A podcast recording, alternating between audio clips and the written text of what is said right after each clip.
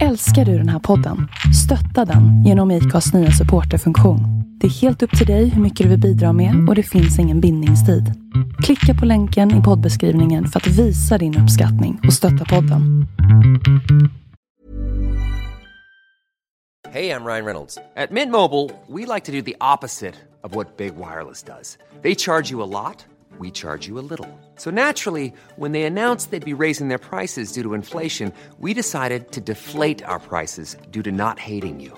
That's right. We're cutting the price of Mint Unlimited from $30 a month to just $15 a month. Give it a try at mintmobile.com slash switch. $45 upfront for three months plus taxes and fees. Promo for new customers for limited time. Unlimited more than 40 gigabytes per month. Slows. Full terms at mintmobile.com.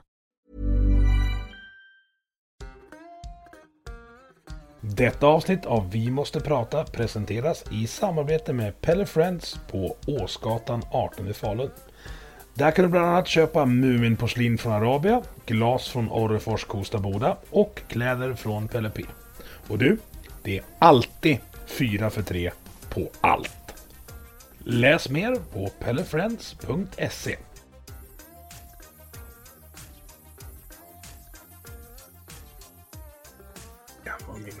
anteckningar är. Jo, så här var det. Eh, Du skickade över... eh, Jag frågade efter fräna saker som du hade som jag hade glömt. Ja, Det var ju, det var ju leverans på den, kan jag säga. det var det. Det var lite mord och jag vet inte fan vad jag skickade men eh, Det var mord och djävulsutdrivning och... Ja, hela kostcirkeln. precis. Precis. Jag ska ta en cigg här. Alltså, du är en riktig skjutjärnsjournalist. Ja, ja. Cigaretter och... Ja. Och Red Bull. Sitter du inne och röker också? Jajamän. Klass ska det vara. Var bor du någonstans då? Eller det kanske du inte vill berätta? Du kanske... Jag vill inte säga exakt var jag bor eh, men eh, jag har tagit över min mormors gamla hus. Ja. Så att det, jag bor i så här jättefancy område i eh, Göteborg nu, du vet med bankchefer och ja, innan har jag bott liksom i förorten i Kortedala och Biskopsgården. ja, men då gissar jag att du bor någonstans mellan typ Ostkupan och Korsvägen då. Nej, mer ut mot Saltholmen till. Havsutsikt vet du. Åh jävlar vad exklusivt. Ja. Jag tyckte man Örgryte var fin. Liksom. De kollar lite konstigt på mig här, alltså de som inte känner mig sedan mormors tid. De, de undrar hur fan kom du hit? Och min Ja. man också, du vet, han är från Rosengård. Han har ja, ju så här tatueringar på halsen. Och, jag Facebook-stalkade lite där så jag såg det och någon väst och ja, ja, det är bra. han är kock. Han är inte, han är inte gängkriminell. Det är ibland en jävla fin linje. Ja, men alltså, om det blir krig, då ska man ju liksom röra sig med kockar, känner jag. Ja, eller så, ska du, eller så ska du bo här där det finns frysar fulla med kött och hur mycket vapen som helst. Bra. Var är det någonstans? Typ Dalarna? Ja, mitt i Dalarna. Nu Det kommer är- vi dit då när zombiesarna kommer. Ja, ni, ni är körd direkt. De kommer komma söderifrån. Ja. Vad vill Men du då- prata om då? Ja, jag vill ju prata om dig. Mm. Du, jag har ju kommit fram till att du är ganska frän. Och den här podcasten handlar ju om att jag har den som ursäkt för att ringa upp fräna människor och, och studsa saker på deras hjärnor. Ja. Do it. Och, så vi tar och börjar berätta vem du är, för jag tror att vi har börjat redan. Ja. Eh, vem fan är jag? Josefin Freje, grävande frilansreporter. Eh, bor i Göteborg. Eh, även känd som, eh, vad fan var det nu Expressen skrev? Eh, SR-reporter var med egen knarkfabrik. Just det. det. Det var jag det. Det dumma är ju bara att det inte fanns någon knarkfabrik och att jag inte var SR-reporter. Så jag känner lite att den är full platt, den rubriken. Vi kommer komma till det, för du jävla vad arg du var där ett Jag tag. är, jag är fortfarande där. Ja, det är, det är bra. Man ska våga vara arg. Men, men berätta då, om vi tar ditt CV. Du har ju varit överallt. Ja, alltså jag började ju som reporter när jag var 13 år på Göteborgs-Posten. Jag tror att man var tvungen att vara 14 år, men jag ljög. Eh, det kom de på lite senare. Eh, Så jag var ungdomsreporter där och sen hela gymnasiet var jag på P3. Man hade egna programpunkter. Och bråkade med Marcus Birro bland annat. Han var så himla flummig och intellektuell. Och jag var sån superfjortis. Eh, Så vi... eh, Ja, och Han är ju inte svårbråkad heller. Nej, nej. Han är god, men alltså jävlar vad djupt allting ska vara. Mm. Och sen hade jag också så här, det bästa jobbet jag haft faktiskt där. Jag hade en punkt som hette övningskörning. Där jag fick övningsköra snabba, dyra bilar. På Mm. Torslanda flygfält. Så typ bara åka ut med en Maserati eller en Porsche eller du vet någon ny, eh, ny bil. Och så bara köra skiten ur dem. Du var före Hanif och Jan Emanuel på den punkten alltså. Ja, De har ju för övrigt inte presterat ett avsnitt än. Men det var bra publicitetstrick att plocka in dem. Ja. Eh, och sen har jag ju bara hållit på. Så jag älskar ju att granska saker när, när det är någon som jävlas med, med folk som redan har det skit. Mm. Alltså de som är liksom längst ner på samhället. Det kan ju handla om... Eh, första grejen jag gjorde för Uppdrag granskning var ju om eh, våldtäkter i färdtjänsten.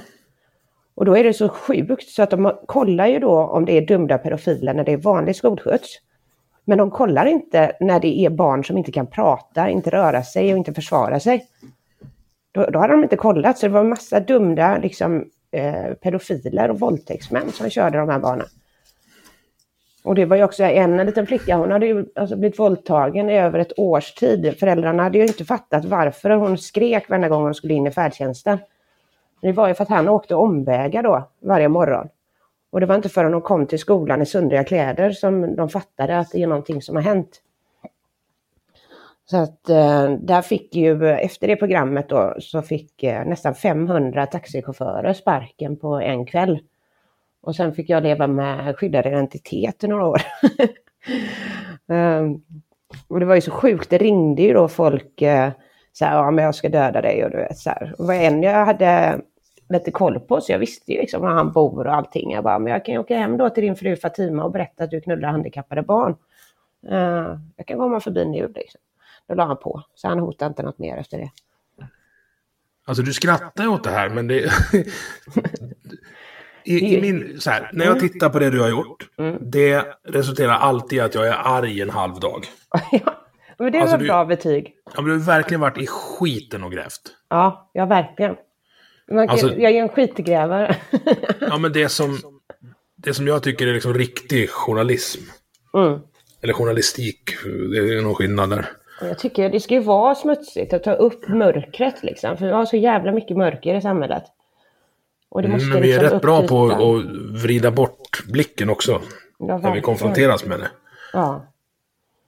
Och det tycker jag inte man ska göra liksom. För att det, det är liksom ett svek mot alla då som lever i, i det här mörkret och i skiten.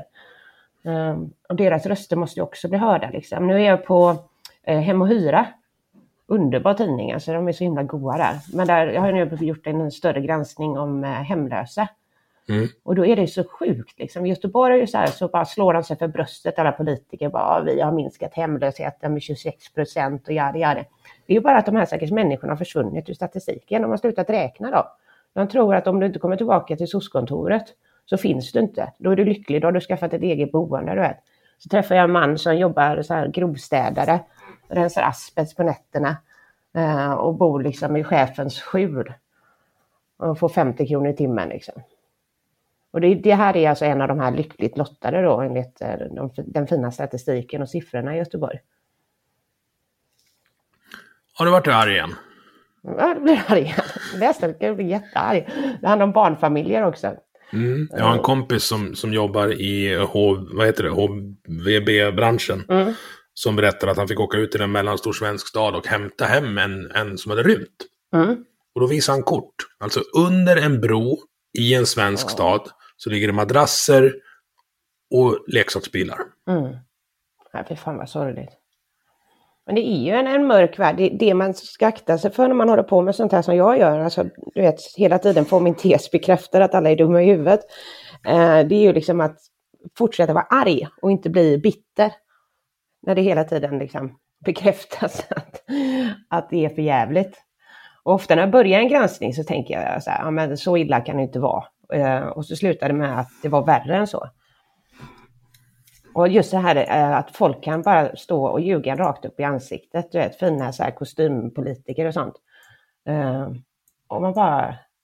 Att de inte skäms. De sover som små lamm på nätterna. Alltså. Ja, alltså jag tror ju att de gör det för att de kommer undan med det. Ja. Och att det har blivit acceptabelt.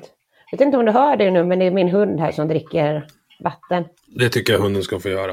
ja, Det känns som du har en amstaff eller något. Nej, jag har två huskies. Eh, Siberian huskies, sådana här små vargar. Ja, men det, var, det kändes inte så...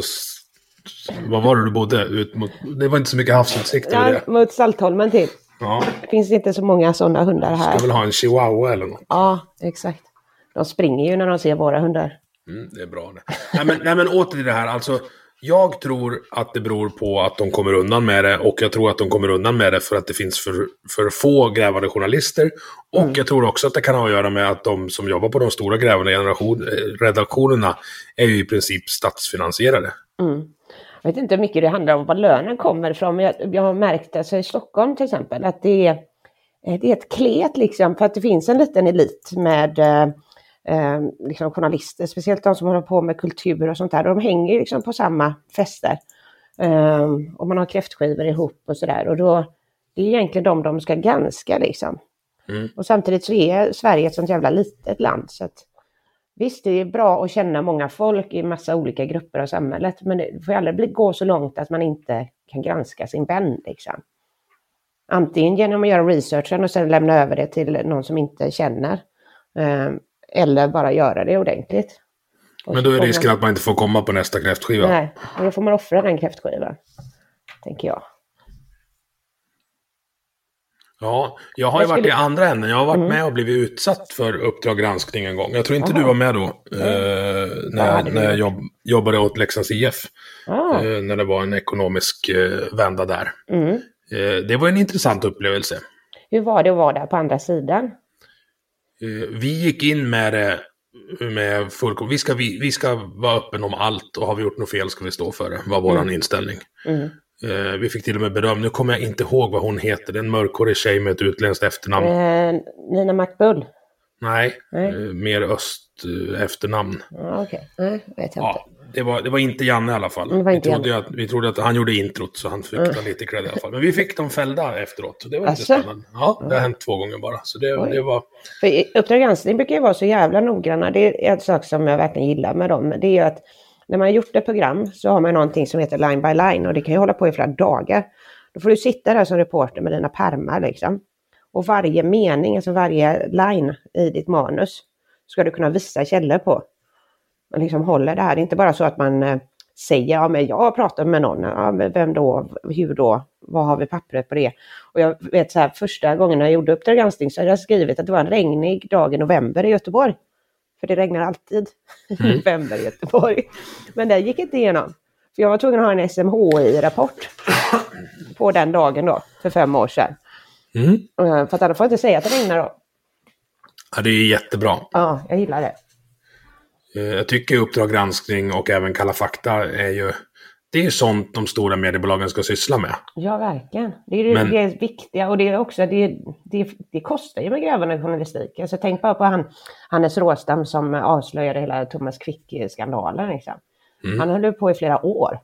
Men annars hade det inte gått liksom. Om man inte är så här, har ett antal diagnoser så att man orkar gå igenom. Jag var hemma i hans lägenhet, han hade satt upp alltså A4-papper i hela taket typ.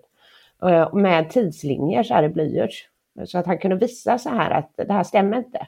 För Thomas fick faktiskt, eh, Quick fick den här Expressen-artikeln dagen innan. Så att han visste visst om de här uppgifterna som de säger att bara mördaren kunde veta om. Och det var liksom på så sätt som man kunde liksom avslöja en av de största rättsskandalerna i Sverige. Ja, det är bra journalistik. Eh, sen är jag, jag har jättesvårt med finansieringsmodellen, framförallt av public service. Att jag eh, mer eller mindre under vapenhot tvingas att finansiera Melodifestivalen när det finns jättemycket viktigare saker att, att granska som, som public service-bolag. Nu tänker jag man kanske bara skulle satsa på grävande journalistik och nyheter. Liksom. Ja, det skulle räcka med en vem ska kanal göra som alla gör de det. här eh, tråkiga kulturprogrammen då? Som en TV4. liten- Okej, men det är ju bara en liten grupp tänker jag som vi ser dem. Men eh, kanske en viktig grupp. Ah, Ja. det vete fan. Så här dokumentärer om myror och sånt. Alltså det finns ju ingen annan, det går ju inga pengar i det liksom. Och så finns det en liten nördklick som bara älskar det. Jag tycker att man ska ta efter eh, sin för... Man säger att BBC är, är förebilden till public service, men BBC är ju så jävla mycket bättre. Och de har liksom det här brittiska hårdhudandet, att det får skava lite ibland. Det gör det ju inte i public service. Nej, du tycker det är för mesigt. Ja, alltså det enda som har skavt lite, det är ju svenska nyheter, när de liksom retar upp Kina och så. Det, tyck, det betalar jag gärna för. Ja du. Men vi har i alla fall etablerat, jag tycker att du är en bra journalist. Gött! Och det är en Tack kort lista Ja, eh, på sådana. Vi ska gå över till-. Vi ska gå över på no någonting som gjorde mig in i helvete arg. Mm. Eh, och det var ditt reportage om Love Nepal. Just ja. Den ja. Det frikyrkliga goody-goody-livets ord som eh, säger att de samlar in pengar till en massa flickor som varit utsatta för sexuella övergrepp. Mm. Mm. Och de samlade in miljoner. Ja. Och 1,6 procent gick till det de eh, tyckte, eller det, de, det som sa, sig- sade sig samla in pengar till. Det som var så mörkt också, det var ju det här att en av de här företrädarna, som är, var ungdomspastor då, tror jag i Livets Ord, liksom verkligen hur han göttade sig i den här misären. Alltså att han skriver liksom sådana här Facebook-inlägg då om, om exakt hur, när den här flickan ska bli våldtagen och du vet, fruktansvärda grejer, för att få in pengar. Och sen går det inte ens till den där jävla flickan man ser. Som dessutom inte hade blivit våldtagen Ja, utan bara var random stockfoto från Ja. Tibet. Liksom. Ja, ja det var ju illa alltså. Men i, i den situationen, hur håller du dig ifrån att liksom inte bara nita den här karln? Det är science fiction för mig. Ja, nej, men alltså du vet ibland så blir man ju, ibland vill jag ju strypa dem alltså. När jag sitter där och gör intervjuer, jag intervjuar pedofiler också. Alltså det är verkligen så här, det är ju inte personer jag personligen tycker om. Men samtidigt så är det ju så att eh, för artikelns bästa så blir det ju bäst om de får komma med sina bästa argument. Det är skitviktigt. Att hur dumma man kan tycka än att de är så ska de få komma med sina bästa förklaringar och bästa argument. Och sen har jag då satt upp två stycken stora jävla boxningssäckar här hemma. Eh, som jag går loss på efter sådana här intervjuer. Så att, eh, det är väl ett tips. att ha boxningssäck hemma. Ja, din, din sambo då, hur... Mm. Får, får han utstå det här någon gång? Blir han boxningssäck? Nej, han blir inte boxningssäck. Han är helt underbar. Det är verkligen så här... Ja, shit. Du vet, man varit ihop med folk innan och så har man trott sådär att man var kär och fan hans moster. Och sen träffar man den här och så bara wow. Det är verkligen sån själsfrände person liksom. Det är samma fast han har inga bröst då men... Ja. helt underbar människa. Och så kan han laga mat också. Jag är ju så jävla dålig på att laga mat så jag har fått besöksförbud till spisen. Alltså bokstavligen. Jag vet fortfarande inte hur man får av det där jävla barnlåset. jag får inte röra det. Uh, när jag bodde själv i lägenhet så här, Biskopsgården, då, då kom ju brandkåren en gång för att jag hade försökt laga mat. Eh, och eh, de var jättesura på mig. Men ja, Men det där kan svänga fort. Nu har inte du behov av att lära dig. Jag levde på typ makaroner, en smörklick och citronpeppar i, i, i massa år. Men nu är det matlagning bland det roligaste jag Yeah. vet. Så det, kan, det finns hopp för dig också. Ja, kanske. Men det är lite som, som eh, du vet när man var ung. Jag försökte lura mina föräldrar att jag inte visste hur tvättmaskinen fungerar. Eh, så att jag skulle slippa tvätta. Jag kanske inte var, just nu har jag inget intresse av att lära mig faktiskt. Det är sånt här eh, första förhållandet, första samboknepet som alla karlar kör med. Att det räcker med en röd strumpa i en vit tvätt en gång för att man ska slippa. Jag vet. Eh, Jag har gjort så. Men, eh, ord jag inte trodde jag skulle säga, åter till pedofilerna. Mm, ja. Eh, jag fick kontakt med dig första gången när du, när du jagade folk som hade, så att säga, tagit lagen i egna händer när deras barn varit utsatta. Mm. Eh, jag lyssnade på det i morse när jag var ute och gick. Eh, det är ett fruktansvärt reportage. Ja. Alltså det finns på i lagens namn på Mm. SR, SR Play-appen. Så det rekommenderar jag lyssning för de som vill bli arg. Men då, då får du bland annat tag i en pappa. Ja, du, du kan berätta själv. Ja, jag fick ju tag i en eh, pappa då, så att eh, du vet, han är på jobbet, vanlig sån grovis liksom. Och så ringer hans eh, fru och bara skrik, gråter. Liksom. Och då visar det sig att polisen har kommit och tagit en pedagog på deras barns förskola som har redan erkänt alltså, sexuella övergrepp på 12 barn. De vet inte vilka 12 barn. Men det sket pappan i? Ja, han, han åkte ju liksom... Han, först stod han utanför med alla de andra föräldrarna och bara skrek liksom, för de ville ha svar. Um, men sen när han är på väg hem då så plingar det ju till och då ser han ju att någon har lagt ut uh, den här pedofilens uh, namn och adress på Facebook. Så att han bara vänder ju bilen på en femöring upp i lägenheten, bankar på. Mannen öppnar och sen, alltså han misshandlade honom grovt, alltså slog honom försökte strypa honom, knä honom eh, så att han skulle döda honom. Men han ville ju också bara, han ville höra den här mannen liksom säga, har du varit på mitt barn? Liksom. Det är ju det han som pappa ville veta. Sen visade det sig att den här pedofilen gick ju bara på småflickor då. Och de hade ju en son. Mm. Eh, men i efterhand så känner han ju att eh, jag hade gjort det igen, liksom, alla dagar. Mm. Och han har ju blivit så här hjälteklassad på bygden efter det. Du vet. Han får gratis öl och gratis drinkar och ryggklapp från polisen. Och, uh, ja. Men han åkte dit på det? Han åkte dit på det. Vad fick han då? Han fick uh, bara villkorligt. Uh, så att, I och med att han var liksom ostraffad sedan innan. och pedofilen fick två års fängelse då för övergrepp på tolv barn. Det är inte ens två månader per unge. Nej. Och det var en grej i, i den här granskningen. Jag pratade med Patrik Sjöberg och Hero och alla de här. Eh, som, de tar inte till våld, men de vill ju liksom att man ska ha eh, strängare straff. Och en sak som de nämner är just det här sjuka när det är en pedofil som kanske har förgripit sig på över 200 barn och sen får fyra år. Liksom. Alltså det, det blir knappt en vecka per övergrepp. Eh, och det är ju så det funkar i alla brott före Sverige. Alltså det, du åker ju bara för det grövsta, sen är det bara på lite grann. Så liksom ska, ska du döda någon så döda flera samtidigt. Mm. för att det blir liksom inte mer ändå. Uh. Och det där gör ju att ju, ju värre du är desto, desto mindre risk får du ju per brott. Mm. Alltså ju längre ner i, i, i kurvan du vandrar så att säga. Mm. Uh, jag, har för, jag ska försöka. att de är på flera. Det är liksom, har du den liksom, sexuella läggningen eller störningen uh, så är det ju oftast inte bara ett barn en gång. Utan det kan vara hundratals övergrepp. Liksom. Mm. Som de kan bevisa. Jag har ju två döttrar, en på sex och en på fyra. Ja. Vad hade du gjort om... ja, jag ja. kan ju tyvärr inte säga det högt. Nej, men jag kan tyvärr inte uh, slänga fram ett inte straffat sedan tidigare papper. Nej. Uh, men, men det vet fan vad jag skulle göra alltså. Ja.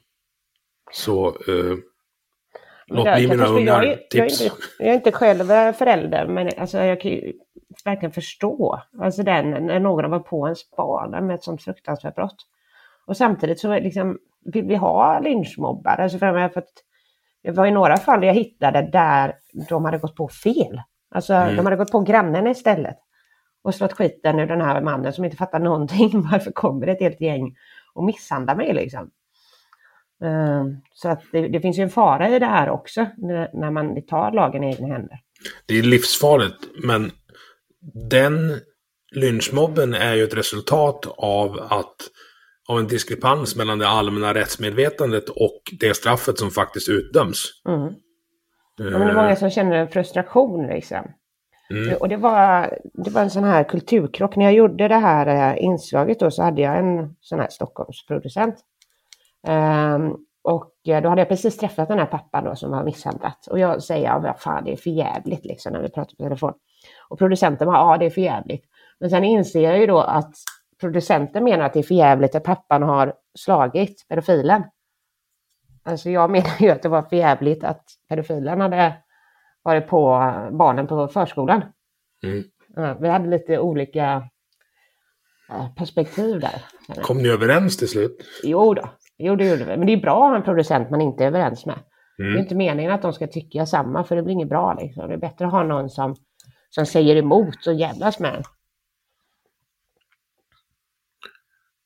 Ja, jag tänk, tänker återigen på den här Jag, jag pratar mycket. Jag hade YB, YB Södermalm här eh, i podden för någon vecka sedan. Och vi pratade bland annat om eh, att vi har, inga, vi har inga poliser där jag bor. Vi har inga ambulanser heller. Nej. Det är minst en timme bort. Ja. Det är helt Eh, sjukt. Ja, det är faktiskt helt sjukt. Men det gör ju att jag, jag kommer bli tvungen, oavsett vad det står i lagboken, att försvara vårt hus vid ett inbrott. Mm. Och risken är att jag gör det för bra så att det, det är jag som får skiten. Jag tycker Ja. det är så sjukt. Ja. För man vill ju kunna ha den tryggheten, alltså du vet att, att faktiskt veta att polisen kan komma när man behöver hjälp. Eller liksom, eller brandkåren eller ambulansen. Mm. Eh, men stora delar av landet har ju inte det. Nu kommer poddlyssnarna tycka att jag tjatar, men jag har, min lillebror är polis. Mm. Han jobbar midsommar en gång i, i Rättvik. Mm. Och eh, fick ett larm, ni måste åka, de slåss för fullt. Ja, vart ska vi då? "Ja, Vi ska till Sveg. Hur långt är det då? Det är två timmar blåljus. Oj, 150 kilometer i timmen. den fighten är väl över innan de kommer fram? Ja, de var osams igen, så det var lugnt. Okej. de, fick, de fick jobba. Nej, men det är inte rimligt. Nej, det är inte Eh, rimligt. och kollar man polistätheten längre norrut, nu bor jag Mm. faktiskt i södra Sverige om man, drar, om man kollar på hälften. Det är, man kan ju ha en patrull i hela Norrland. Oj. Norrland är stort. Väldigt stort. Jag bodde ju i eh, lilla Umeå. Jag tycker ändå det är ganska norr liksom. Men så, du vet, så skulle jag åka någonstans. Och de bara, ja men det är nära, du vet. Mm. Ja okej, då nära tänker jag, det är 20 minuter i bil liksom. När jag åkte i tre timmar, jag bara, Mm. vad fan är detta? Du sa att det var nära. Ja men det är nära. Alltså allting under sex timmar är ändå liksom okej. Ja, och även samma sak när jag var uppe i Pajala liksom. Det var också så här, jag åkte och åkte och åkte. Alltså, flera timmar utan att se en annan bil. Mm. Det tyckte jag var lite läskigt. Jag är van med att det är så jävla mycket folk överallt. Vi i skogen, vi, vi har ju lärt oss att, att leva med det här. Mm. Eh, Alltså, det, man kan ju se fördelar och nackdelar i allting. Mm. Eh, det går ju mycket lättare att övningsköra här på motorcykel själv. För att, för att man vet att det finns inga poliser. Eh, Vad ska de göra? Men, men just, jag tror inte att rättssamhället är riktigt i synk med verkligheten. I varje fall inte här ute. Nej. Och det är just sånt där som gör att, att det blir problem i samhället, att folk ta, känner att de behöver ta saken i egna händer. Alltså, om det är för låga straff eller om det är att man vet att polisen inte kan komma. Nej. Man är utelämnad liksom. Det går så. Jag medverkar i, i Bondepraktikan, Bullentids podd här med Axdorff och, och Per-Ola framöver. Eh, och då pratar de om att det, det, det går snack ute på bygden om att det är stöldligor som har försvunnit. Ja, För att någon har försvarat sig för bra i, sitt, i sin liksom, maskinhall. Och någon har råkat dött och då bara, nej men jag kan inte ringa polisen på det här. nej. Shit. Det är ingen bra utveckling. Det vill jag Fast granska. ja, det kan du göra. Ring, ring Axdorff och prata med honom. Det bra. Nej, men det är, alltså, det är ingen bra utveckling. Nej, men det, är, det gäller att ha två tankar i huvudet samtidigt. Jag kan ju förstå det, Mm. även om jag inte tycker att det är bra. Ja. ja, men det är väl samma här. När jag fick tag på dig Mm. så skulle vi prata om, om de här pedofilägarna. Nu har vi gjort det. Men sen fick du lite annat att göra. Ja. Du hade tydligen en knarkfabrik. Det är ju Sveriges sämsta knarkfabrik. Det är Ja. så pinsamt. Men om man tänker en fabrik, då tänker man ändå så att det ska vara storskaligt. Ja, Gärna i med lite thailändare eller barn eller någonting som sitter i, i källaren och eh, fabrikar sig. Har du läst om den i Fredriksberg som de tog? Ja, det var väl en riktig. Ja, det var en hel lada. Ja, det hade inte vi. Nej. Det var väl typ tre planter, eh, och 368 gram, men då var ju kompost det mesta. Eh, så 97 gram knark om man säger så. Mm, dödsknark. dödsknarket cannabis. Eh, och visst, det är ju jävligt dumt av min man då. Han är ju åtalad nu för att han har odlat. Eh, Det är så mycket i det här som är, är så, han- så jävla snett. Så vi, vi börjar Ja. från början. Alltså du hängde... Så här, polisen knackar på hemma hos er. ja. Eh, jag trodde, vi blev jätteorolig för jag tänker ju då att det har hänt mina föräldrar någonting. Eh, när det kommer liksom poliser en söndagkväll. Eh, så jag öppnar ju och så vet här, jag vet ju att min man eh, röker cannabis liksom. Han har uh, Hortons, även kallat självmordshuvudvärk. Det är typ som blir skjuten fem gånger i huvudet liksom per dag. Eh, WHO beskriver det som en av de jävligaste och mest smärtsamma sjukdomar som finns. Och den går inte att bota. Och eh, han har, tar ju massa mediciner mot det här men just cannabisen har ju hjälpt honom så att han får eh, mindre, eh, vad ska man säga, kortare attacker. Mm. Eh, och som inte är lika intensiva. Det funkar helt Det enkelt. funkar. Ja. Och jag har ju vetat om hela tiden att han röker cannabis. Liksom. Sen hade han ju varit smart nog då att eh, inte berätta om vad som var i ett låst rum, eh, det här som vi kallar tortyrkammaren. det är ett jävla äckligt rum i vår källare med sådana här plåtar eh, med massa råttor och skit där inne. Det är liksom inget rum man går in i. Eh, så där hade han eh, odlat då. Men eh, ja, polisen kom och det luktade ju cannabis i hela huset eftersom han hade precis rökt. Eh, och sen eh, tänkte jag ju att det var det då, att de skulle ta honom för uh, ringa narkotikabrott liksom, för att han har rökt. Men sen började de gå runt och sen uh, hör jag att det blev ett himla liv nere i källaren. Så jag bara uh-oh. Och min man bara förlåt. Jag bara vad? Vad är det jag inte vet om? Älsklingar måste berätta. ja, Alltså. älsklingar glömde berätta. Så här. Nej, och så började de bära upp då de här jävla spännena då som man hade satt jord i. Jag bara fuck! och lampor och grejer. Eh, så att jag bara, ja ja, så vi fick hänga med polisen då. Fick sitta i en sån här arresten. Då är det ju bara ett rum utan toalett med en sån här äcklig plastmatta liksom. Och det enda jag var orolig för det var ju om eh, min man hade fått med sig sin medicin. För han, han kan få göra så här eh, hjärtstopp om han eh, slutar tvärt med den ena medicinen. Eh, Så det var ju det enda jag liksom var riktigt orolig för där. Liksom, har min man fått medicin? Och de bara, nej men vi kan inte säga någonting, vi kan inte ens säga om han är här. Jag bara, men han åkte ju för fan i samma bil. Ja, Jag vet att han är här. Ehm, och sen var det första förhör. Ehm, och jag bara säger, jag tänker inte säga någonting utan en advokat. För det var då jag fattade liksom. När de visar bilder på, den- på den här jävla odlingen. Då fattade jag att det här var ju mer allvarligt än, eh, än jag trodde. Eh, men sen i alla fall, jag fick eh, pissa och det var ingenting där och de kunde inte koppla mig till något brott. Så att alla misstankar och allting sånt lades ju ner. Samma dag. Nej, det i, jag- jag fick besked samma dag av polisen att det kommer läggas ner. Men jag fick väl pappret liksom från eh, tingsrätten, det måste gå genom åklagaren. Fick jag typ i februari. Eh, så liksom svart på vitt. Men sen då, 17 maj, en datum jag aldrig kommer glömma, så min tidigare uppdragsgivare då, jag ändå jobbat för Expressen som grävreporter och utrikeskorre i eh, två år. Eh, Då bestämmer de sig för att gå ut med den här första artikeln då, där det bara stod SR-reporter. Men de gav så många detaljer så att direkt när det publicerades så började telefonen ringa. Liksom. Alla fattade och även folk som jag inte känner, som inte ens känner till att min man har liksom den här eh, huvudvärken.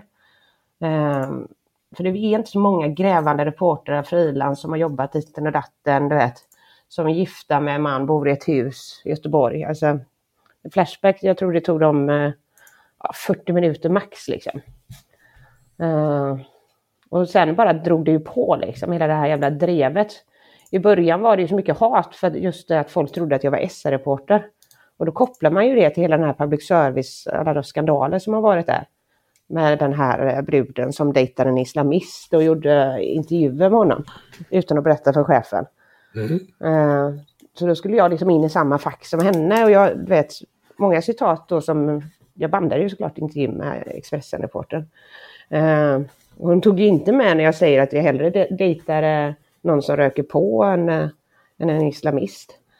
För hon försökte hela tiden koppla det här till, eh, till att jag var lika dålig som den här som ville ha folk som vill hålla på med krigsbrott. Liksom. Så att nej. Sen i och med att alla visste redan att det var jag.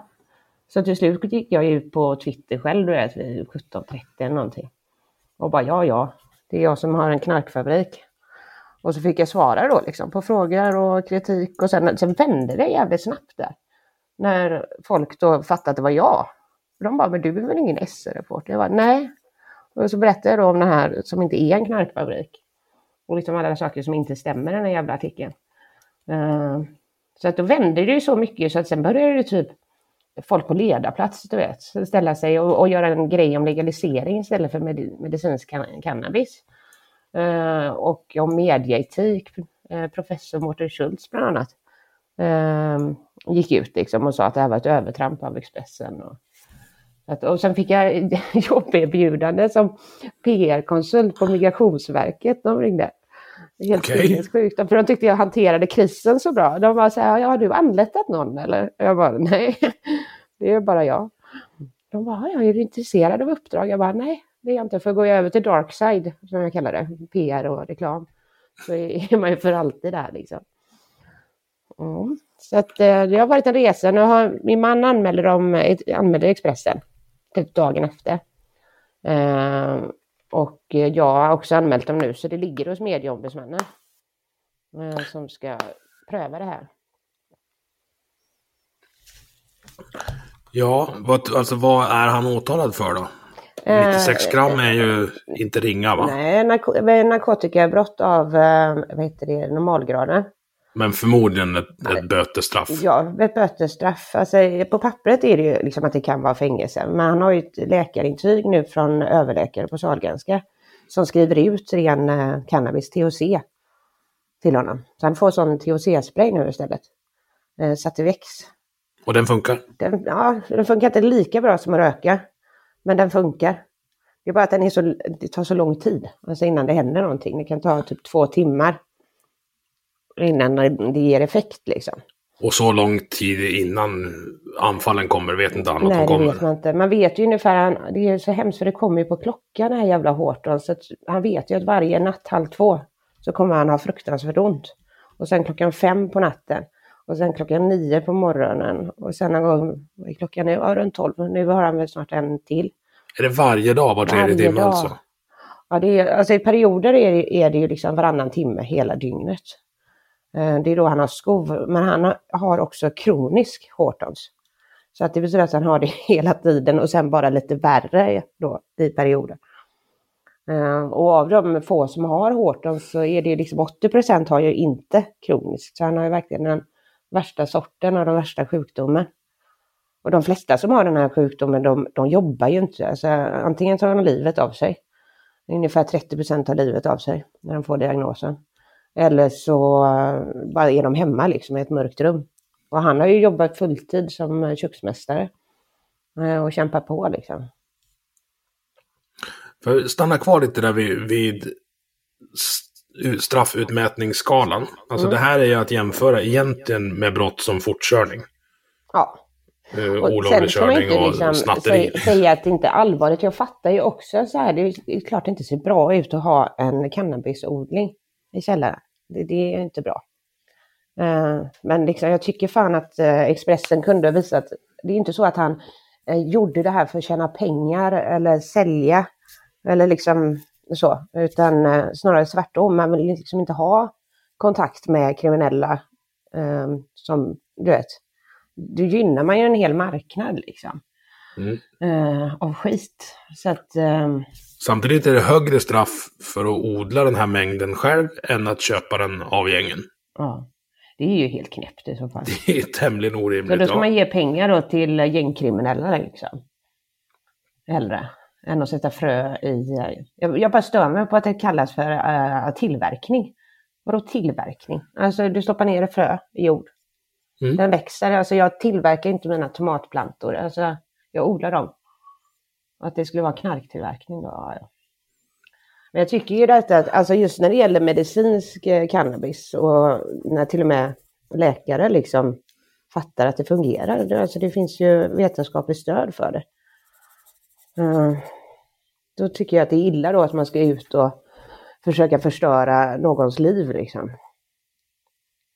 Jag, för mig kokar det ner hela tiden till det här att eh, skillnaden på bruk och missbruk. Alltså finns det Ja. ett bruk som inte orsakar sociala, ekonomiska eller relationsmässiga Mm. konsekvenser, då förstår jag inte varför det ska jagas. Nej. Och finns det ett missbruk så har jag svårt att se att det kan straffas bort. Ja ja, faktiskt. Jag har ju många vänner och sådär som har hamnat snett, alltså verkligen har eh, missbruk liksom. Och det är ju något helt annat. Eh, då, då är det ju misär. Alltså de slutar betala sina räkningar, sköter inte jobbet, sköter inte sina sociala kontakter liksom. Och mår dåligt också. Eh, men nu får han, min man får ju liksom samma ämne nu på apoteket. Apoteket Hjärtan liksom. och, då, och då är det okej. Men det tog ju väldigt lång tid liksom där att få det på recept. Alltså det, även om det finns medicinsk marijuana i Sverige idag så du vet, du får ju en sån missbruksstämpel på dig direkt om du skulle liksom söka det. Att, Ja, folk och vill tror att du- man bara gör det för att det skulle vara kul liksom. Vill du söka hjälp när du upptäcker att ditt bruk börjar bli problematiskt, då måste du kissa rent innan du får hjälp. Och det är också omvänt. Det är så Det är jävla dumt. omvänt. Jag söker hjälp för att jag är knarkare då. Och, och Mm. nej, men då, får du inte vara knarkare. Så tänker man inte med några andra liksom, problem som folk har. Alltså typ att ja, men du kan inte få hjälp för att du är bipolär så länge du är bipolär. Liksom. Mm. Ah, nej, det är så knäppt. Men det som gör mig riktigt eh, förbannad i hela den här Expressen-publiceringen, eh, det är ju att se hur dåligt min man har mått över det här. Han fick ju sånt helvetesko efter det här för att stress och eh, sömnlöshet liksom gör ju att det utlöser fler attacker. Så vi hade ju en månad här där det var, jag kunde inte sova överhuvudtaget typ och bara, jag får ju sitta så här och slå honom på huvudet för den millisekunden som jag slår honom i huvudet eh, så gör det lite mindre ont. Och du vet, hålla på med is, springa med isklampar och sånt och lägga på huvudet och Ja, och så är man så maktlös också som anhörig. Man kan inte göra någonting. Och så den man älskar mest har fruktansvärt ont. Och man är helt maktlös liksom. Ja, för under den månaden så fanns det inget att få tag på heller då, antar. Nej, för det tog ju, alltså det var ju redan i processen där och, och att läkaren skulle kolla på olika studier då för eh, det här satt i växeln. Eh, Men det tar ju sin tid och det är också så att eh, även om det här är en överläkare som har skrivit ut så måste han ha OK sin chef. Liksom. Och sen det här går ju inte heller under högkostnad så det, eh, tre sådana här små sprayflaskor kostar ju nästan 5000 spänn. Liksom.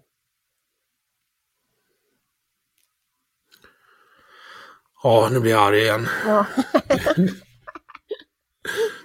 Återkommande tema. Ja.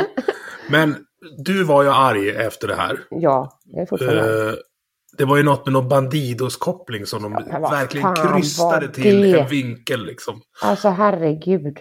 Jag blir så jävla förbannad. Det är så jävla hyckleri också. För så här är det. Ja, när jag jobbade på Expressen, eh, det var då jag träffade min man i Thailand. Och det var när jag skulle intervjua Hells Angels och Bandidos-medlemmar i Thailand. Så jag träffade ju min man på Bandidos-baren. Och sen eh, fattade jag ju intresse för min man, uppenbarligen.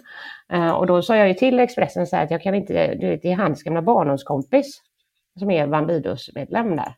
Och det blir ju konstigt, de har ju växt upp ihop liksom.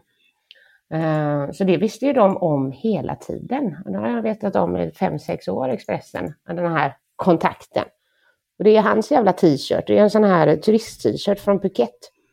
Och bara det och liksom att skriva om det, plus att de vet hela bakgrunden redan, eh, gör ju då att det ser ut som att eh, min man skulle vara en jävla eh, wannabe-bandidos liksom.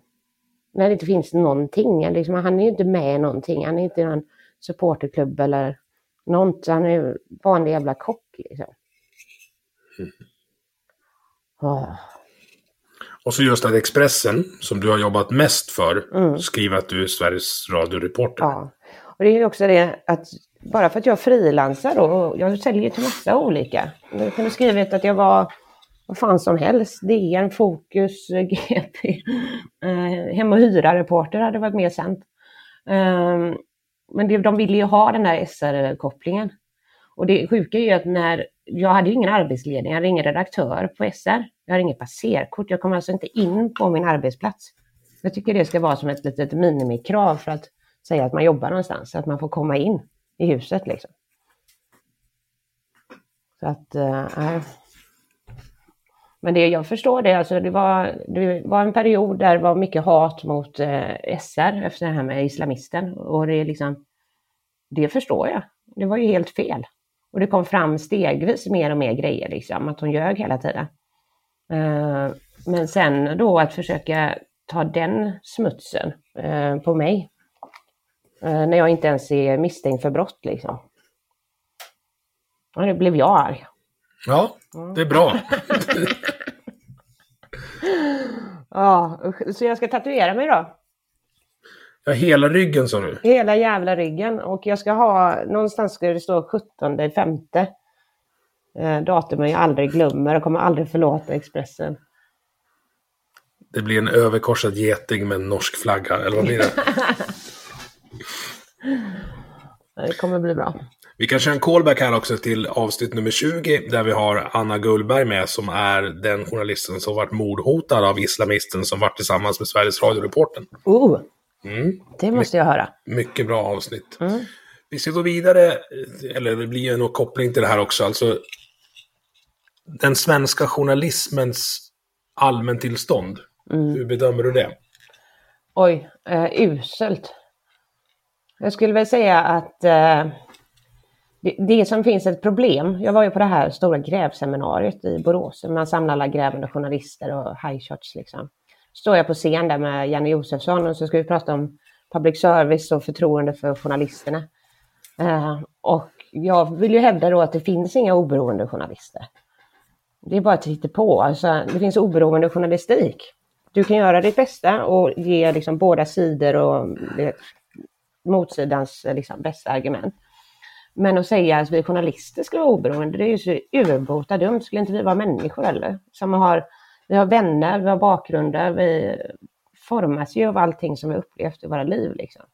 Och det som är, är problemet med många journalister idag, det är ju att de tror att de är oberoende. Mm. Alltså det är mycket bättre att, att veta om så här, vänta nu, okej jag tycker verkligen inte om pedofiler. Eh, det vet jag om. Eh, men liksom, då får jag ändå då får jag tänka på det när jag gör ett inslag. Att också ta med den här andra sidan med de liksom, oskyldiga som blivit misshandlade eller att, att eh, vad fan är det här rätt liksom? Och ta saken i egna händer. Och det jag tror det är bättre, jag tror inte mina liksom, läsare eller tittare eller så är dumma i huvudet. Jag tror det är bättre att vara transparent. Och det är så här, frågar någon så svarar jag. Och, det, och då kan man istället se, jag vet att när jag var lokalreporter så skulle jag intervjua en mamma som var politiker, mamma till en av mina bästa kompisar. Hon var med i KD liksom. Och fan vad jag gick på, för jag var så orolig att jag skulle vara liksom nedsmutsad, att hon gör goda bullar till mig när jag var liten. Du överkompenserar. Jag så jag överkompenserat och hon började nästan gråta så elak var jag mot henne. Men det var ju för att jag verkligen vill visa att även om du är min kompis mamma så ska du inte komma undan liksom. Um, så att ja.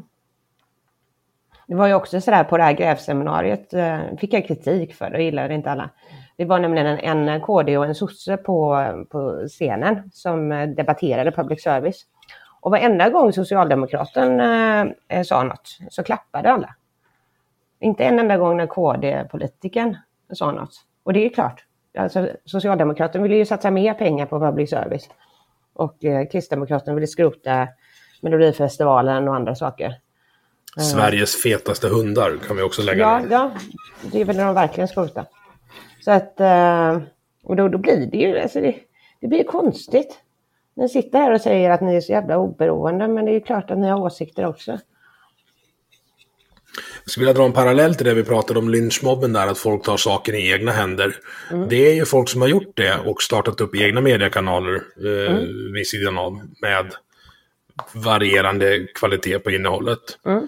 Men när jag, när jag youtubar dig så, du har ju varit med i Sverigedemokraternas YouTube-satsning Riks. Ja, Du är en av få journalister som har varit med där. ja det har jag också fått Eh, kritik för. Ja, men jag tror att du skiter i det. Och jag, min analys av det är att du är liksom rätt säker på var du står och inte så jävla Ja. rädd för vad folk tycker om det. Nej. Men det är ju inte de andra. Nej. Är livrädd. Och det här var ju också så här att den kritiken, när jag fick den här svansen av alla som hatar public service och, och många liksom SD-folk.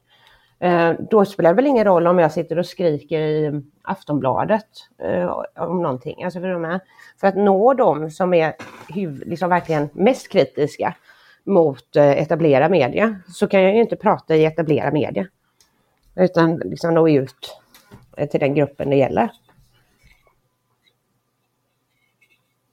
Nej, jag, tyck, jag tycker det är spännande. Uh, jag...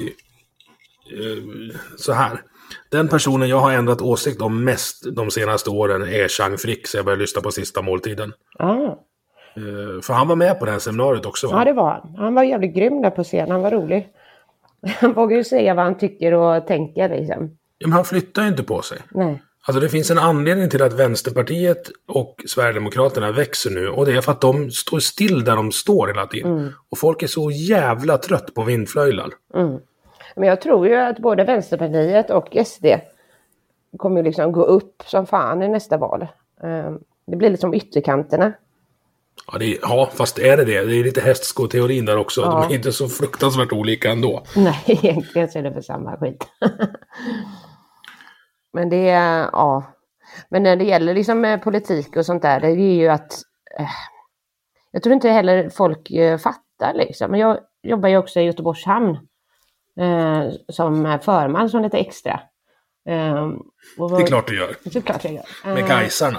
Ja, exakt. Mycket Gaisare. Eh, Men de, eh, de är ju gamla sossar och så här arbetarklass och oh, du vet, man ska ju vara facket och så. Men nästan alla har ju nu eh, blivit SD. Så att alltså de här, det var ju nå- en stackare då som har varit moderat, han har varit mobbad för i alla år i hamnen. Men eh, han är också SD nu. Och där ser man ju någonting eh, som jag tror att de här etablerade partierna och media inte riktigt har, har fattat liksom. Att det, det har, folk är så jävla trötta. Och så att till och med de som innan har hatat SD och också kan se igenom liksom att det finns mycket problem i det partiet. Eh, de är liksom beredda att gå över. Nu tänker jag göra till representant för hela den svenska journalistkåren. Det kommer du tycka om va? Oj, oj, oj. Men jag förstår inte den här isolerings... Eller så här, jag förstår isoleringstaktiken som både de etablerade partierna och journalistkåren intog när SD var på väg in i riksdagen. Mm. Det fallerar ju miserabelt när de kom in i riksdagen. Ja, men man Ändå- pratar om det här. Precis Ändå så- fortsätter man med samma taktik två val till. Ja, Varför gör man det? jag vet inte. Man har gett bort 20% till de här dårarna nu. Mm. Gratis, de var bara att ta. Ja. Men det är sånt som gör folk förbannade. Det är liksom en av huvudanledningarna att folk liksom röstar på de partier som de egentligen föraktar. Och det är ju helt koko. Men det är, så här, alltså jag försöker alltid undvika politiker så långt det går i mina reportage. För de är så fruktansvärt jävla tråkiga att intervjua. Det spelar ingen roll vad det är för parti. Alltså det är bara ordbajs liksom. Mm. Sen tror jag en av de stora anledningarna till att SD har, har växt är just isoleringstaktiken. För de har kunnat stått bredvid och med facit i hand berättat vad dåliga alla andra är utan Ja. att behöva ta en sekunds ansvar själv. Precis, precis. Hade Alliansen tagit in dem... Bara vara emot. Ja, men hade Alliansen tagit in dem när de låg runt 6% så hade de bara försvunnit. Precis som Mm. Ny Demokrati gjorde. Och de hade bara, alltså när pandemin drog in och Mm. hela riksdagens, alltså de samverkade allihop. Det var ingen som hörde om SD då, för då var de tvungna att ta ansvar. Mm. Så jag är, jag, jag är lite rädd för utvecklingen nu. Jag tror att pendeln har dragit så långt åt ena hållet så att baksvingen kan bli fruktansvärd. Ja. Min mormor sa ju det på sin dödsbädd faktiskt. eh, Att hon är väldigt glad att hon inte kommer leva när Jimmie Åkesson blir statsminister. Ja, min spaning är, jag tror, jag tror inte han kommer bli det. Däremot tror jag att det är stor risk eller chans beroende på vad man, vad man tycker själv att Jessica Stegrud blir vår första kvinnliga statsminister. Mm. För den dagen, den dagen Jimmy hoppar av så är det bara hon som kan ta över och hon kommer, hon kommer vara helt ohanterbar för de etablerade. Men nu vill inte jag prata om politik. Det är så Nej, vi ska prata om djävulen. Ja! det kan vi För så, här, för så här är det att eh, jag frågade dig, finns det något mer som är fränt med dig? Och jävlar vad grejer det kom. Vi börjar uppifrån. Ja, Eh, första dejten med din make så var det någon som dog. ja. Vad fan? Ja, det var helt sjukt. Eh, Så vi var ute och festade liksom i Phuket. Och sen ska vi hem till hotellet. Eh, och så ser vi en eh, hop av människor liksom. Så vi springer fram och då eh, står folk och filmar medan en man ligger där och dör. Alltså en 24-årig kille som har blivit eh, knivhuggen flera gånger i magen och lungan. Och ingen gör någonting. Och du vet, jag och min man direkt ner, alltså tryckförband och du vet, man fixar så ambulansen kunde komma fram och du vet, försöka rädda livet på, på dem, så här mun mot mun metoden och hela kittet liksom. Men då hade han ju redan förlorat nästan allt blod liksom. Det var ju så mycket blod. Uh, så vi kom ju för sent där liksom, så han dog. Och vi var tvungna att berätta då för hans bästa kompisar, de var från Frankrike, uh, att deras bästis är, är död liksom.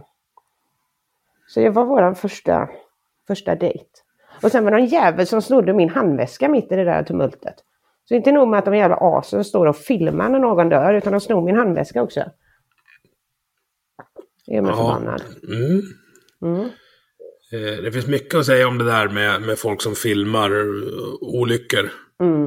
Eh, det, återigen, tillbaks till svensk journalist. då. Aftonbladet kan ju på samma första sida på webben ha Eh, en artikel om att folk filmar så att de blockerar blåljuspersonal och sen under nästa artikel finns det Har du bilder? Ring 08 11111. Men det är också så hemskt för att det är många som inte fattar det här. Alltså, folk tar risker och sånt för att de tänker om jag kan sälja till Aftonbladet eller till Expressen. Eh, men de kan ju aldrig publicera de bilderna. Jag har ju sett alltså, vid eh, trafikolyckor och sånt. När folk går fram och jag tänker om vad bra de har stannat, du vet, de ska gå fram. Då tar de ett jävla foto. Mm. När det sitter någon halvmosad i sin bil liksom. Och det är ju bilder som ingen kommer köpa. Så att liksom, det är bara så, så mörkt och så äckligt. Det är som gamar liksom. Mm. Folk vet du, jag är inget större fan av sådana. Nej, usch nej. Du var i Afrika en vända och tänkte att Nej, men jag sticker in i Kongo och ska göra ett reportage. Ja, Och då Ja. sa din fotograf bara nej, nej, nej, det, där ska vi inte åka in. Men då åkte du ändå. ja. Jag blev skitsned på honom. Uh, han tyckte att det var för farligt då. Alltså, vi kom inte in för de vill inte ha journalister då. Uh, men då är det en sjö där precis vid checkpointen. Så jag bara, vad fan, vi hyr en båt liksom. Hur svårt kan det vara? Det är bara att gå in där i djungeln. Och så går vi in. Och han var aldrig i livet. Vet, han, han hade ändå suttit där på den här korreklubben i Kigali och skrutit om, eh, om hörde mina är från Afghanistan. Eh, så han eh, åkte hem till Rwanda. Eh, jag tog en båt. Åkte över, traskade på liksom. Jag visste vilket håll det ska åt. Jag har ändå varit med i hemvärnet liksom. Dit ska jag. Och plötsligt kommer det då ett gäng med barnsoldater. Och helt, jag vet inte vad de hade tagit, typ meth eller någonting. Eh, Men de blev ju så chockade för det här stämmer ju inte liksom med deras bild. En blond tjej mitt i djungeln liksom, i Kongo. Eh, Så jag gav dem cigaretter och, och sa åh vilken fin kalasjnikov till typ någon 12-åring. Eh, Och då tog jag den. Så Det är helt hade- bisarrt. plötsligt hade jag ingen kalasjnikov. Och jag bara höll den bara på sidan så den var inte liksom, osäkrad eller någonting. Och så fick de visa mig då till byn och då, då pratade som tur var någon engelska där. Eh, så att eh, då fattade de vad jag var, liksom, att jag var journalist och att jag skulle skriva om de övergrepp som har skett eh, eh, mot deras by.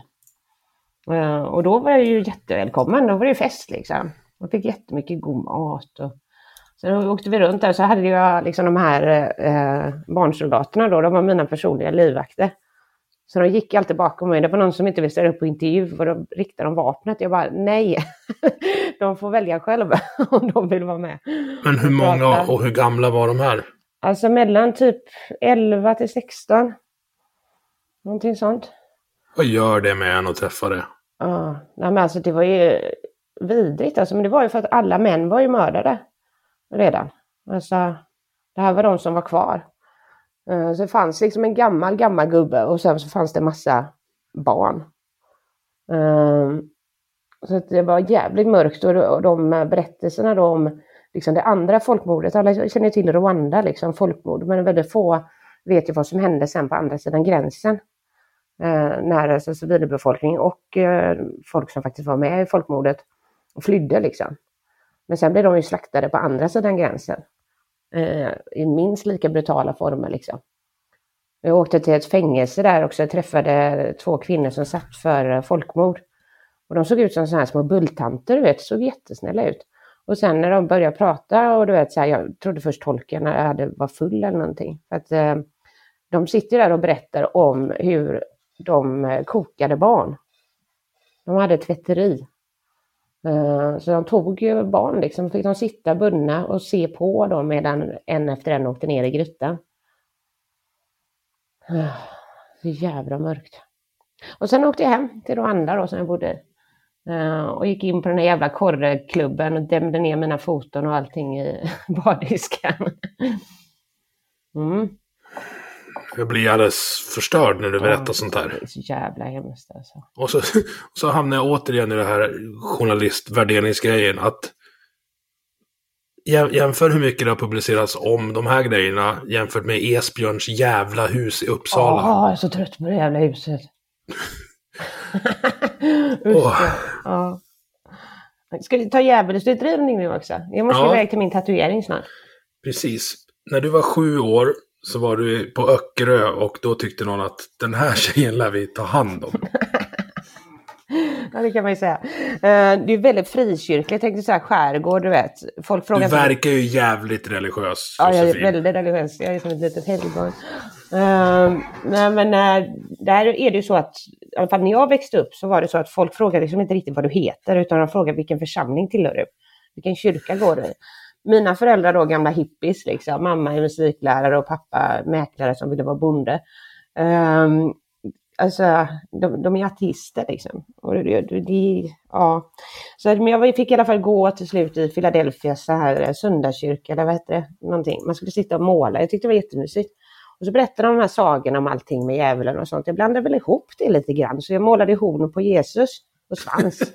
jag var jättestolt och du vet, skulle visa upp den här bilden och eh, de skriker. Och sen så sa de att jag skulle stanna kvar.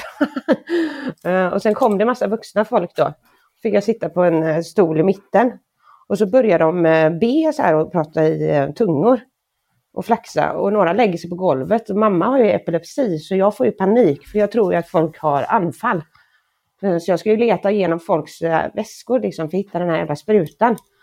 Ehm, och då tror de ju att den här demonen eller djävulen i mig då försöker också sno deras grejer. Men inte alls så.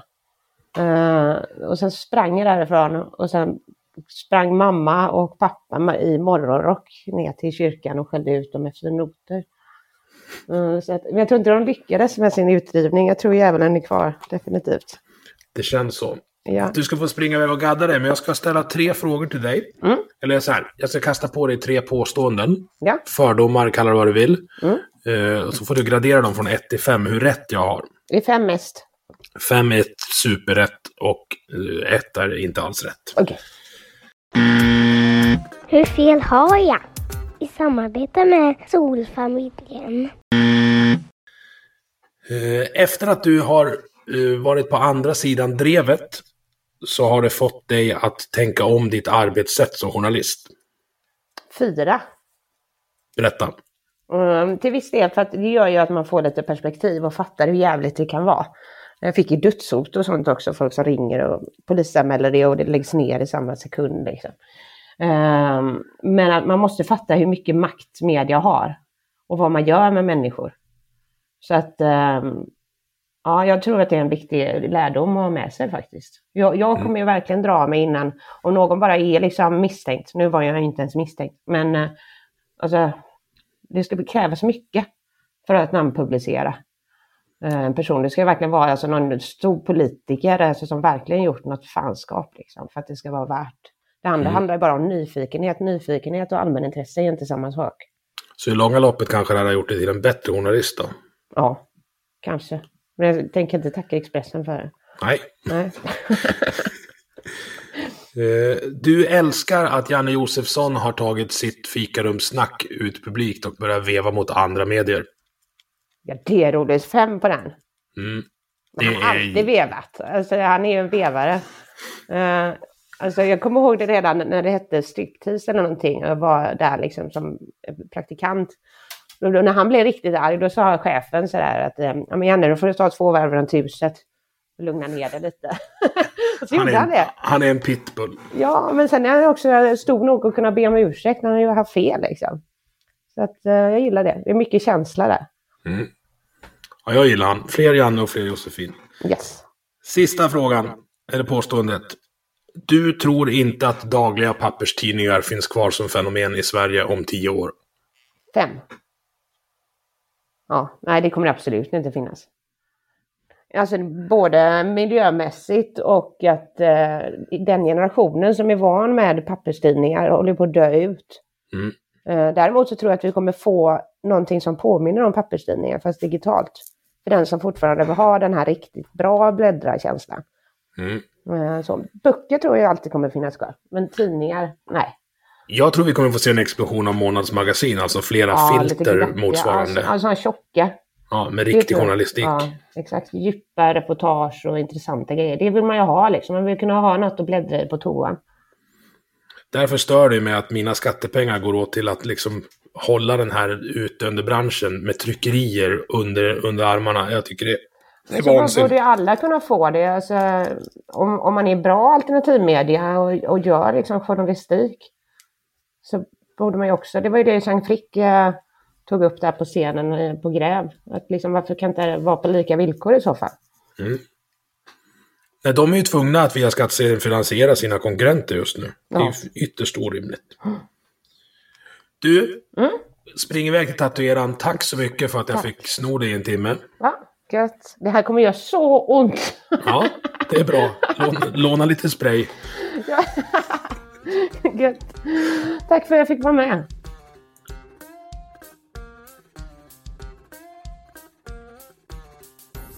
Du har lyssnat på Vi måste prata som produceras av mig, Emil Nilsson. Tycker du om det du hörde? Dela avsnittet med dina vänner och på sociala medier. Vill du stötta podden kan du göra det via Patreon där du hittar den på patreon.com snedstreck vi måste prata i ett ord. Eller så swishar du en slant till nummer 123 671 46 79. Vi hörs!